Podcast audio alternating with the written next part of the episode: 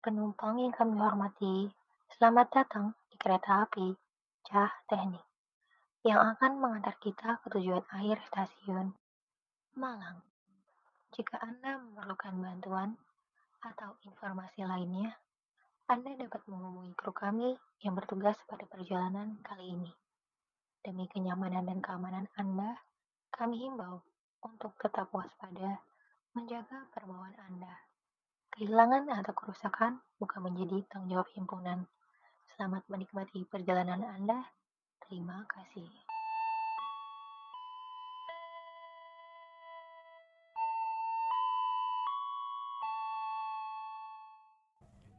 Halo semuanya, selamat pagi. Kita bertemu lagi bersama saya di podcast Lokomotif episode 11.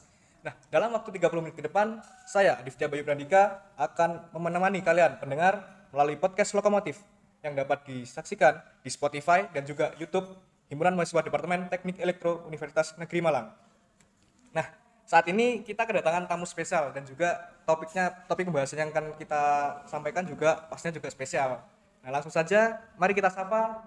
Selamat pagi Bu Desinta. Selamat pagi. Bagaimana Ibu kabarnya? Alhamdulillah, baik, Alhamdulillah baik. Oke. Eh, terima kasih Bu Sinta eh, sudah berkenan menjadi narasumber podcast kali ini. Langsung saja kali ini kita kedatangan Bu, Sin Bu Desinta untuk menjawab segala pertanyaan tentang kekerasan seksual. Ya. Maka dari itu kita menghadirkan eh, Bu Desinta ini yang berasal dari Satgas PPKS nih Bu ya. Oke, ya. Satgas PPKS UM. Nah, kalau boleh tahu Bu, ya, Satgas PPKS itu apa sih Bu? Kalau boleh tahu ya. Oke. Satgas PPKS UM itu satuan tugas gitu ya, eh, pencegahan dan penanganan kekerasan seksual di UM gitu. Jadi ini satgas yang memang sesuai dengan Permendikbud itu diwajibkan setiap kampus kita harus punya satuan tugas untuk pencegahan dan penanganan kekerasan seksual. Oke, jadi alasan dibentuknya ini juga karena aturan eh, anjuran dari pemerintah gitu ya. Oke, ya. Jadi eh, sebenarnya tidak hanya karena permen ya, gitu. jadi karena peraturan eh, pemerintah atau peraturan menteri gitu ya pendidikan dan kebudayaan RI, tetapi juga kita melihat ternyata banyak sekali gitu ya kasus-kasus kekerasan seksual yang ternyata juga terjadi di lingkungan kampus gitu. Sehingga sebenarnya permen itu menurut kami semuanya yang sudah berjuang lama gitu ya di kekerasan seksual itu menjadi angin segar gitu karena selama ini di saat ada kekerasan seksual yang terjadi di kampus kita nggak punya dasar hukum gitu dan permen itulah yang juga salah satunya melatar belakangi berdirinya satgas PPKS Oh, jadi Permendikbud ini sebagai penguat buat eh, pembe- pembentuknya Satgas PPKS seperti ya itu ya. menjadi dasar hukum pembentukan satgas PPKS Nah, eh, bicara tentang Satgas PPKS eh, sejauh ini apa sih Bu bentuk kekerasan seksual yang pernah terjadi di UM sendiri? Oke, kalau terjadi di UM gitu ya, artinya apa namanya? Kita kan nggak pernah tahu ya, selama itu belum masuk ke dalam ranah kasus yang ditangani gitu ya. Jadi sebenarnya sebelum menjawab itu perlu saya sampaikan juga bahwa eh, kekerasan seksual yang terjadi di kampus kita itu ada gitu ya. Dan sebelum satgas terbentuk itu juga bisa diselesaikan, tetapi pada waktu itu oleh unit-unit yang memang secara khusus menangani kasus itu. Gitu. Karena kita memang belum punya satgas dan unit itu eh, P2BK3A, Pusat Gender bersama dengan pimpinan perguruan tinggi. Jadi kalau ditanya yang pernah dan ditangani Ya. itu kekerasan seksual yang terjadi pada mahasiswa dan pelakunya dosen.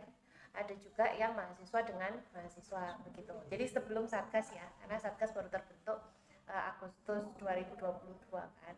Sehingga kita sejauh ini kita masih menerima laporan-laporan saja, tetapi laporan-laporan itu masih proses untuk kita eh, apa namanya tindak lanjuti untuk bisa ditangani atau tidak. gitu.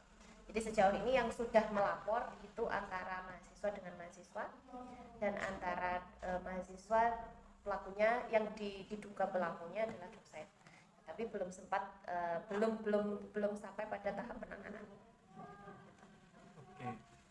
Eh, jadi dari Satgas yang baru dibentuk ini cuma ada- masih mendapat laporan-laporan seperti itu, tapi masih Iya. belum ditangani sampai selesai gitu gitu. Belum. Jadi sejauh Satgas ini terbentuk, kita masih mendapatkan laporan-laporan dan kemarin sebenarnya ada satu yang sekarang kita sedang kerjakan itu kekerasan seksual yang melapor adalah mahasiswa yang dilaporkan adalah mahasiswa jadi sekarang ini kita sedang proses mekanisme pembuktian jadi masih ada satu kasus yang sekarang kita tangani gitu dan kasus-kasus lain masih kita cek dulu apakah mereka memang yang pelapor itu mau diproses dalam proses uh, pemeriksaan tapi ada satu yang sekarang kita kerjakan Oke, eh, dari laporan sejauh ini, Bu, dari Nur Ibu dan juga Satgas PPKS itu seberapa tinggi sih tingkat terjadinya kekerasan seksual di UM? Oke, jadi kita by research ya. Ya. Jadi kita nggak bisa bicara kalau tanpa data. Eh, kebetulan kami anggota satgas itu sebagian besar kan memang mahasiswa, tetapi sebagian kecil kan dosen dan pendidik. Jadi termasuk saya sendiri itu sebenarnya riset saya juga berkaitan dengan kekerasan seksual. Jadi kalau di kampus UM, gitu ya, kalau di kampus UM sesuai dengan data yang terakhir eh, riset kami di tim eh, riset saya, itu eh, yang sering terjadi gitu ya yang sering terjadi sebenarnya adalah bentuk kekerasan seksual yang non fisik gitu ya jadi verbal seperti itu. Dan terjadinya di antara siapa gitu. Jadi kalau di UM itu sivitas kan subjeknya. Jadi yang sering terjadi antara mahasiswa dengan mahasiswa. Ada beberapa data dari riset kami itu dosen kepada mahasiswa tetapi memang belum bisa dibuktikan begitu atau masih dalam proses gitu ya pelaporan seperti itu. Jadi ada tetapi yang sejauh yang masuk ke satgas itu tidak banyak gitu atau mungkin belum gitu ya tapi kalau riset terbukanya tidak berdasarkan satgas ya tapi berdasarkan personal dosen-dosen yang melakukan riset itu ada kekerasan seksual di UM gitu. Oke. Eh, jadi laporan yang masuk itu kan masih belum banyak ya Bu. Mungkin dari teman-teman juga masih eh, bingung mau lapor ke mana ya kan Bu. Terus mungkin juga ada rasa malu atau gimana, rasa takut. Terus prosedural buat mahasiswa ini lapor tentang tindak kekerasan seksual itu bagaimana ya Bu? Oke, jadi sebenarnya eh, dengan adanya Satgas PPKS UM itu teman-teman semuanya ya khususnya mahasiswa itu tidak usah takut lagi gitu ya dan apa namanya kami sangat terbuka untuk melayani pelaporan itu gitu. Jadi kalau mekanismenya teman-teman bisa langsung lapor saja di hotline yang sudah kami share. Jadi kita punya Instagram juga tapi kami soon ya. Karena Instagramnya kan memang Instagram Iya. pakai apa namanya branding UM sehingga kita masih proses untuk koordinasi sama branding UM jadi jangan sampai Instagram kita apa namanya di luar dari ketentuan panduan branding gitu. Jadi sekarang kita sedang susun namanya Satgas PPKS UM eh, Instagramnya jadi bisa diakses. Terus kemudian sebenarnya kita punya website mas. Jadi website kita masih dalam proses juga menata gitu jadi belum kita publish juga. Tapi eh, apa namanya kalau mau melapor jadi bisa langsung menghubungi hotline itu ada nomor WhatsApp namanya Bu Santi bisa dihubungi plus juga mengisi Google Form. Jadi pelaporannya bisa dengan cara seperti itu. Kalau perkara tadi ditanya takut, malu, jangan takut, jangan malu. Karena konsepnya eh, penanganan kekerasan seksual itu adalah kita menjaga kerahasiaan siapa pun yang melapor. Jadi yang melapor itu tidak harus korban ya, tapi saksi pun juga boleh melapor. Gitu. Jadi melapor aja lewat hotline ataupun lewat Google Form. Kemudian nanti ditunggu aja karena kami akan pasti menghubungi teman-teman yang melapor gitu ya. Nanti dari pelaporan itu akan kita proses ada borang-borang yang harus diisi. Kemudian langkah selanjutnya nanti akan ada pembuktian. Setelah pembuktian nanti akan ada mekanisme kesimpulan dan rekomendasi. Baru setelah itu nanti ada eh, tahapan berikutnya adalah pemulihan dan juga tindak eh, ketidakberulangan jadi pencegahan eh, ketidakberulangan jadi ada beberapa tahapan itu yang kita lakukan. Dan yang sering kali sebenarnya eh, apa namanya eh, ada yang salah paham gitu ya dengan satgas adalah kita memberikan sanksi gitu ya. Nah kalau satgas itu hanya pada sampai eh, kesimpulan dan rekomendasi. Rekomendasi yang dibuat satgas itu nanti yang kita ajukan ke rektor gitu. jadi yang memberikan sanksi adalah rektor atau pimpinan perguruan tinggi jadi satgas tugasnya hanya dalam proses sampai pada tahapan pembuktian jadi ada dua rekomendasinya terbukti melakukan kekerasan seksual atau tidak terbukti melakukan kekerasan seksual. Nanti kalau terbukti baru kita rekomendasi sanksinya apa. Tapi eksekusi sanksinya itu oleh perguruan tinggi. Gitu. Jadi gitu mekanismenya. Jadi ada proses yang lumayan harus dilakukan gitu ya, yang harus dijalani oleh si pelapor, baik itu korban maupun saksi. Sehingga teman-teman intinya jangan khawatir gitu kalau ada Yeah. terjadi kekerasan seksual, entah kita yang mengalami sendiri atau kita melihat teman-teman kita yang mengalami, teman-teman bisa melapor. Berarti nggak hanya korban aja ya Bu ya? Dari temannya mungkin dari saksi yang melihat itu bisa melaporkan juga nggak Bu ya? boleh boleh bahkan ini sekarang sebenarnya kita sedang nah ini tidak boleh dipublish ya tapi sekedar sekedar menginformasikan aja sebagai gambaran bahwa di saat terjadi apa eh, kemungkinan gitu ya. Jadi ini kan belum dibuktikan ya. Jadi ada kemungkinan terjadinya kekerasan seksual gitu yang dilakukan oleh apa pelaku gitu ya yang diduga pelaku kepada korban. Korbannya banyak nih kebetulan. Jadi ada banyak sekali yang melapor tapi dia saksi. Dan itu boleh silakan. Karena nanti kami punya cara gitu ya ada metode untuk menggali untuk proses pembuktian gitu. Jadi tidak harus korban. Tapi di saat nanti diproses ditangani itu memang harus dengan persetujuan korban jadi kita nggak bisa yang eh, saya temennya saya lihat saya melapor dan ini harus ditangani nggak boleh. Jadi keputusan bisa ditangani atau enggak itu kita serahkan kepada korban. Kalau korban nggak menginginkan walaupun saksi sudah ada pelaku udah jelas tapi kalau korban tidak mau diproses ya tidak bisa kita proses gitu prinsipnya. Oke, baik. Nah, jadi begitu ya teman-teman. Kalau teman-teman melihat ada tindak kekerasan seksual maupun dari teman-teman jadi korban kekerasan seksual, bisa menghubungi ke hotline eh, Satgas PPKS. nanti mungkin bisa dicantumkan ya Ya, nanti bisa dicantumkan di bawah sini ya. dan juga apa Google Form-nya Baik. Oke. Eh, tadi bicara tentang sanksi ya, Bu. Jadi Satgas PPKS sendiri itu cuma menerima laporan dan juga eh, membu- pembuktian dari tindakan tersebut.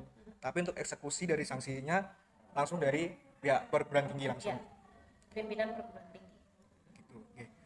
Berarti untuk eh, entah itu nanti sanksinya seperti apa langsung dari tipe eh, pimpinan gitu ya. iya Entah nanti eh, sanksinya membuat jarak dari si pelaku. iya tapi sifatnya ya yang juga perlu kita headline adalah sifat sanksinya karena ini lingkupnya adalah di kampus mas jadi sanksinya ya tentu sanksi administrasi ya jadi tidak bisa sanksi yang hukum karena kita bukan ranah hukum gitu tapi kalau si korban menginginkan untuk pada tahapan hukum ya berarti nanti akan diproses secara. Jadi kita tugasnya hanya mendampingi saja kalau sudah masuk ke ranah hukum. Oke. Eh, berar- berarti wewenang Satgas PPKS ini tuh seperti apa ya bukan dari penyampaian Ibu Nadi tidak melebihi dari aparat hukum. Ya, oke. Jadi kalau kewenangan kami itu dalam konteks penanganan kekerasan seksual, kita adalah penanganan kekerasan seksual di lingkup kampus. Yang notabene subjeknya itu pasti sivitas. Nah yang kita tahu sivitas itu kan ada dosen atau pendidik ya, ada tenaga kependidikan dan mahasiswa. Jadi lingkup kita ada di tiga unsur tadi itu. Nah, di saat mereka melakukan kekerasan seksual yang bisa dilakukan oleh Satgas hanya dalam proses pembuktian dan sampai mengawal untuk diberikan sanksi administrasi karena semuanya kan juga didasarkan pada peraturan hukum ya. Jadi kalau misalnya nanti pelakunya itu mahasiswa, ya berarti sanksinya harus disesuaikan dengan di kampusnya ada nggak aturan tentang kode etiknya mahasiswa. Punishmentnya seperti apa atau hukumnya seperti apa. Tentu yang menjadi dasar hukum pemberian sanksi akan beda-beda. Kalau ternyata pelakunya adalah dosen misalnya, dosennya PNS atau non PNS gitu. Kalau seandainya dia PNS atau ASN, berarti kan ada undang-undang tentang ASN yang kita pakai sebagai dasar gitu. Jadi sangat kompleks gitu pemberian sanksi itu gitu. Nah, kenapa kita nggak sampai ranah hukum? Nah, karena kita bukan penegak hukum, gitu kan? Jadi Satgas PPKS bekerjanya dalam konteks administratif gitu. Jadi sanksi yang diberikan lembaga pun juga administratif, karena lembaganya kan perguruan tinggi, mas, bukan lembaga hukum ya, Ya. gitu. Sehingga di saat lembaganya adalah itu perguruan tinggi maka ya kita nggak bisa memberikan sanksi hukum. Tapi terbuka jadi kalau misalnya teman-teman pernah lihat kasus eh, yang sudah pernah ada ya di kampus sebelah gitu misalnya. Nah itu di saat satgasnya ataupun unit yang bekerja sampai pada tahapan dia salah dan diberikan sanksi maka bisa double gitu jadi sanksi yang diberikan oleh kampus tentu administrasi tapi di saat korban menginginkan kasusnya ini dibawa ke ranah hukum tugasnya apa satgas dan lembaga atau kampusnya mengawal proses hukum itu. Tetapi dari proses hukum tadi kan nanti akan ada sanksi hukum sendiri. Nah mereka juga akan melakukan proses tahapan-tahapan penanganan kekerasan seksual secara hukum. Tentu yang dipakai tidak lagi Permendikbud tidak lagi ASN gitu ya undang-undang ASN dan enggak pasti yang dipakai TPKS tindak pidana kekerasan seksual. Teman-teman kan juga sudah paham ya ada undang-undangnya gitu.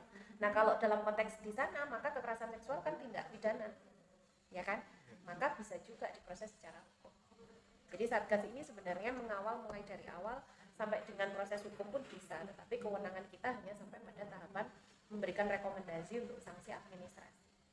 Jadi tidak bisa sanksi hukum kan harus di pengadilan. Gitu cara kerjanya berarti itu nanti tergantung dari pihak korban.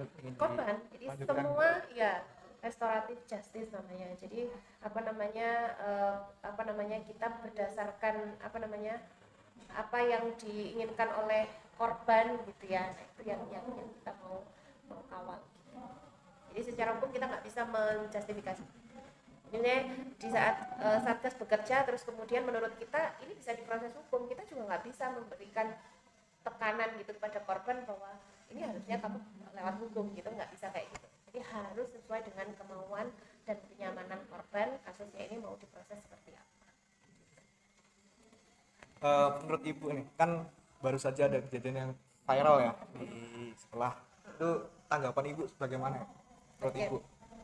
Jadi kasusnya kan ada ada nggak cuma satu ya sebenarnya gitu tapi di saat saya melihat kalau yang dimaksud adalah kasus kekerasan seksual antara mahasiswa dengan mahasiswa misalnya kita ngomong general aja Ya. ya. Berarti di sana ada satu apa konsep yang mungkin mereka tidak pahami gitu bahwa kekerasan seksual itu bisa terjadi pada siapa saja dalam lingkup mana saja gitu ya. Jadi mana pun bisa gitu. Sehingga kalau sampai terjadi itu di lingkungan kampus itu menurut saya itu sudah bentuk dari dekadensi moral ya kayaknya. Kita kan tempatnya orang-orang berpendidikan orang-orang mencari ilmu dan lain sebagainya gitu kalau ternyata sivitas akademika ini ternyata orang-orang yang tidak bermoral dalam tanda kutip berarti kan memang ada masalah di sana gitu. itu sih menurut saya jadi kalau ditanya tanggapannya prihatin ya rasanya gitu. Kenapa harus terjadi di lingkungan kita yang notabene kita punya banyak akses untuk bisa mencari tahu gitu ya, bisa mencari informasi gitu. Kenapa harus terjadi di lingkungan kita? Itu sih intinya. Jadi miris aja gitu ya, prihatin aja. Itu sih tanggapannya. Kalau yang lain-lain ya nanti beda lagi gitu ya. ya baik Eh, karena kan sudah banyak kejadian lah ya bu ya terus bagaimana sih cara kita mengantisipasi agar tindak kekerasan seksual ini tuh nggak terjadi Oke. Jadi sebenarnya eh, karena kekerasan seksual itu bisa terjadi oleh siapa saja kepada siapa saja dalam situasi dan kondisi yang kita juga nggak pernah tahu gitu ya. Karena sering kali orang juga eh, apa namanya banyak menyalahkan korban misalnya gitu ya. Oh karena pakaianmu, oh karena ini itu salah gitu. Gitu ya artinya itu pandangan yang salah kaprah tentang kekerasan seksual. Kekerasan seksual itu konsepnya adalah pelakunya gitu. Jadi di saat kondisi sepi pun kita berdua saja kalau kita nggak ingin melakukan kekerasan seksual juga tidak akan terjadi kan mas. Gitu. Di saat Bu Desinta misalnya pakaiannya berkerudung lebar gitu misalnya gitu, tapi di saat pelaku ingin melakukan kekerasan seksual bisa terjadi nggak? Bisa Bisa, saja. saja gitu. Iya. Jadi artinya tidak ada konsep di mana kekerasan seksual itu terjadi karena korban ikut andil untuk terjadinya kekerasan seksual. Sehingga kembali ke apa tadi pertanyaannya gimana mencegahnya Iya. gitu ya. Jadi gimana mencegahnya ya berarti kita mengedukasi diri kita dulu gitu. Kita harus tahu dulu mana sih tindak kekerasan seksual, mana yang enggak. Bentuknya kayak apa sih gitu. Sehingga kita menjadi aware gitu ya terhadap apa pun yang orang lakukan pada kita. Ini ada posisi di mana ini kekerasan seksual, ini tidak kok gitu. Jadi kita lebih responsif gitu ya kalau kita mendapati eh, kekerasan seksual itu satu itu jadi mengedukasi mencari tahu sebenarnya bentuk kekerasan seksual itu apa karena itu sangat memungkinkan untuk mencegah terjadinya kekerasan seksual karena kalau kita aware misalnya gini mohon maaf ini yang yang juga pernah terjadi di kelas sama dosennya ini saya dosen ya tapi Ya. ini tak pakai contoh aja sama dosennya terus kemudian dipegang bahunya mas mas Ad- Adit Iya. dipegang gitu. terus hanya sekedar Dit itu menurutmu gimana nggak masalah gitu. tapi kalau sudah memegang terus kemudian disertai dengan meraba begitu terus bahasanya berhubungan dengan seksualitas itu sudah kekerasan seksual nah kalau kita tidak teredukasi mungkin kita mengabaikan ya mas. Iya. sehingga terjadilah kekerasan seksual. Makanya mengedukasi diri sendiri menjadi salah satu tips untuk eh, pencegahan terhadap kekerasan seksual. Terus kedua sebenarnya me- ada kondisi di mana di saat kita eh, mengalami kekerasan seksual kita tuh biasanya dalam posisi yang tidak bisa apa-apa gitu ya. Seperti lemah seperti apa namanya apa mas bahasanya jadi nggak bisa teriak pun nggak bisa ini nggak bisa gitu. berdaya gitu. tidak berdaya dan lain sebagainya maka eh, kita ini gitu Iya. ya kan digital native nih ya Nah, kasus kekerasan seksual itu salah satunya juga perlu pembuktian ya, walaupun saksi satu saksi aja sudah pembuktian, mas. Nah, itu perlu aware juga penggunaan gadget saya kira. Jadi di mana pun kita berada, seperti ini kita eh, merekam, kita memvideokan, kita memfoto itu menjadi hal yang penting. Gitu. Jadi dalam eh, pencegahan kekerasan seksual. Kalau ternyata kita bukan korban tapi kita saksi kita bisa melakukan 5D tipsnya. Jadi 5D. menegur langsung mengalihkan perhatian misalnya begitu ya. Terus kemudian kita juga bisa langsung mengelak gitu ya. Jadi dengan langsung ditolak gitu ya kegiatan itu. Dan juga yang lain-lainnya. Jadi itu bisa. Jadi kalau kita lihat misalnya kayak kemarin saya berikan contoh ada ruangan-ruangan transit dosen ya di beberapa gedung kita itu itu ternyata ada juga eh, mahasiswa dengan mahasiswa waktu itu dia masuk ke ruang transit. Saya bertanya gitu kenapa kok mahasiswa masuk ke ruang transit? Gitu. Karena kita aware kan Iya. kita saksikan biar tidak terjadi kekerasan seksual kita tegur atau kita alihkan perhatian. Itu salah satu tipsnya triknya gitu. Biar tidak terjadi kekerasan seksual. Jadi saya tanya langsung gitu, ada kegiatan apa? Gitu. Termasuk di lift. Jangan salah loh. di lift itu juga sangat memungkinkan untuk terjadinya kekerasan seksual gitu. Karena berhimpit-himpitan gitu ya. Ya. kalau saya orangnya frontal sekali gitu. Pencegahan terhadap kekerasan seksual biasa dengan cara kita kadang di lift kan diem-dieman ya. Iya. kalau saya saya ajak mau mau ke mana lantai berapa? gitu. Apalagi kalau kita sudah lihat "Wah, orang ini kok mepet-mepet gitu ya. Itu bahasanya. Nah, itu biasanya kita langsung tanya pak atau mas atau mbak mau mana gitu. Jadi mereka akan teralihkan. Ya calon pelaku pelaku tadi itu akan dengan sendirinya mereka bisa mengkondisikan diri. Dan kita sebagai saksi juga bisa melakukan proses pencegahan terhadap. Yang lain-lain masih ada banyak sekali sih sebenarnya kalau proses pencegahan terjadinya kekerasan seksual tapi yang paling penting satu tadi perlu ya kayaknya karena kita nggak sadar kadang bahwa kita sebenarnya eh, menjadi korban kekerasan seksual. Catcalling ya kan? Ya. di kantin Sering. di jalan kan sering gitu. Tapi kadang korban tidak berdayanya karena dia nggak tahu kalau itu sebenarnya kekerasan seksual kan? Makanya mengedukasi itu menjadi sangat penting. Dan bergerak bersama. Kita nggak bisa sendiri cerita aja ke orang yang dianggap dipercayai. Sehingga nanti itu yang bisa menguatkan kita bahwa oh benar ini kekerasan seksual oh ini bukan. Itu sih. Ya. Ada banyak sih mas Adit sebenarnya. Jadi kalau untuk tindak kekerasan seksual itu tidak sepenuhnya salah dari korban ya. Sebenarnya stigma-stigma kan dari korbannya sendiri kan memakai pakaian yang bisa menggugah nafsu dari si pelaku ya gitu. Berarti coba ya itu kan dipikirkan aja. Iya. Berarti Ya itu enggak? adalah salah satu yang salah gitu ya, Bu. ya? Iyalah, Pemikiran gitu. salah ya. Jadi bukan sepenuhnya salah korban, bahkan statementnya korban tidak salah dalam konteks kekerasan seksual. Korbanlah yang perlu kita pulihkan, gitu. yang perlu kita tolong. gitu. Contoh Mas Adit yang terjadi di UPI ini base data ya, Ya. jadi beda. Yang terjadi kekerasan seksual di sana itu jangan dipikir ini cewek ya korbannya, Iya. jangan dipikir orang-orang yang pakaiannya seksi, terus kecantikannya terlihat, no mereka hijaber mas bahkan tubuhnya aja lekuk tubuhnya nggak kelihatan. Gitu. Jadi kalau kita masih berpandangan bahwa terjadinya kekerasan seksual itu karena korban salah. Gitu sebenarnya. Atau satu lagi kemarin ada bahasan di sastra itu kebetulan waktu saya FGD saya undang beberapa ormawa itu terus kemudian ada pertanyaan kalau tempat sepi bu? Di sastra itu banyak tempat-tempat yang sepi gitu. Yang nggak ada lampunya sekalipun gelap kalau pelaku nggak mau melakukan kekerasan seksual juga tidak akan terjadi kekerasan seksual. Ya enggak kira-kira? Ya, sekalipun rame kalau pelaku mau melakukan kekerasan seksual bisa nggak? Bisa. Bisa aja ya. ya kan? Iya, korban salah nggak bisa enggak. nggak ada yang Iya. salah korban itu. Paham ya? Dalam konteks kekerasan seksual itu memang kita harus memahami eh, apa namanya hal-hal yang sifatnya prinsipal dalam kekerasan seksual. Salah satunya itu tadi menyalahkan korban itu menjadi sesuatu hal yang salah gitu. Oke. karena itu tadi kekerasan seksual itu bisa terjadi di mana saja dalam situasi dan kondisi apa saja apa pun itu bisa terjadi. Hanya yang salah siapa ya? Pasti pelaku nggak mungkin korban. Karena dia juga nggak nggak mau kan di posisi itu itu yang perlu kita pikirkan teman-teman. Kadang makanya ini jadi ingat saya mas Adif gemesnya saya itu kadang kita tahu teman kita menjadi korban kekerasan seksual. Kemudian kita pengennya bantu mas gitu. Iya. kita publish di sosmed wah Iya. bahaya itu. Kita perlu pikirkan secara psikologisnya anaknya gimana mentalitasnya gimana. Jadi kekerasan seksual itu nggak bisa di blow up seperti itu. Kekerasan seksual itu perlu ditangani dengan uh, keprofesionalitasan yang tinggi gitu. Karena di sana yang menjadi korban itu yang dirugikan tidak hanya fisik tapi mentalitas. Dan mereka kan perlu mendapatkan hak untuk menjalani kehidupan mereka kan selanjutnya. Itu yang perlu kita pikirkan.